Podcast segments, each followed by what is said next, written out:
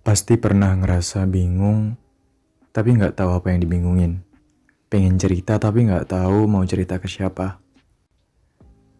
Bahkan nggak tahu juga apa yang mau diceritain. Gelisah sendiri sama hal yang entah apa. Pokoknya berasa ada yang nyumbat di pikiran dan pengen cari solusi biar tenang. Meskipun lagi-lagi nggak tahu secara pasti apa yang lagi jadi beban pikiran. Tiba-tiba bengong.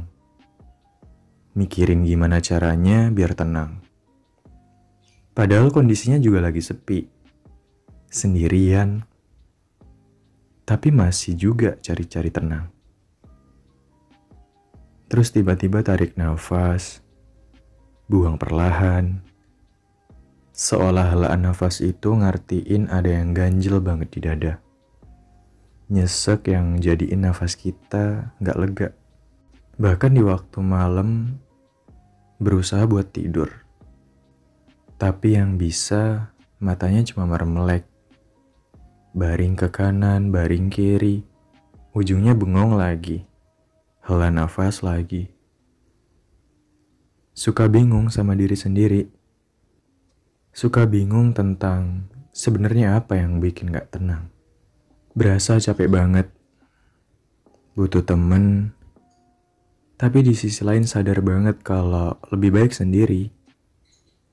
Jadi mencoba waras dengan gak ngelibatin siapa pun sama diri sendiri yang lagi ngerasa kacau.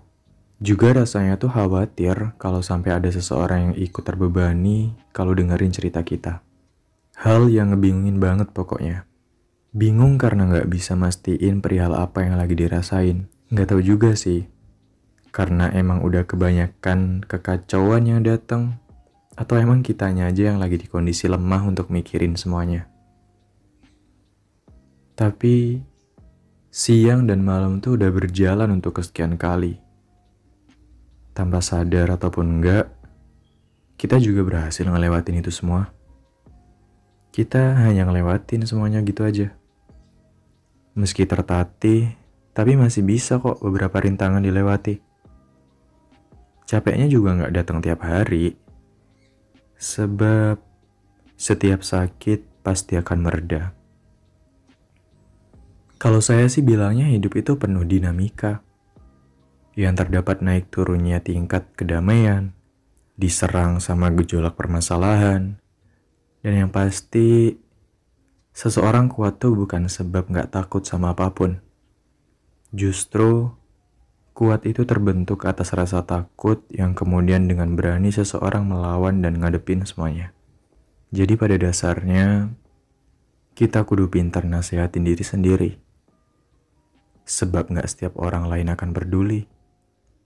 Kita juga kudu pintar buat apresiasi diri.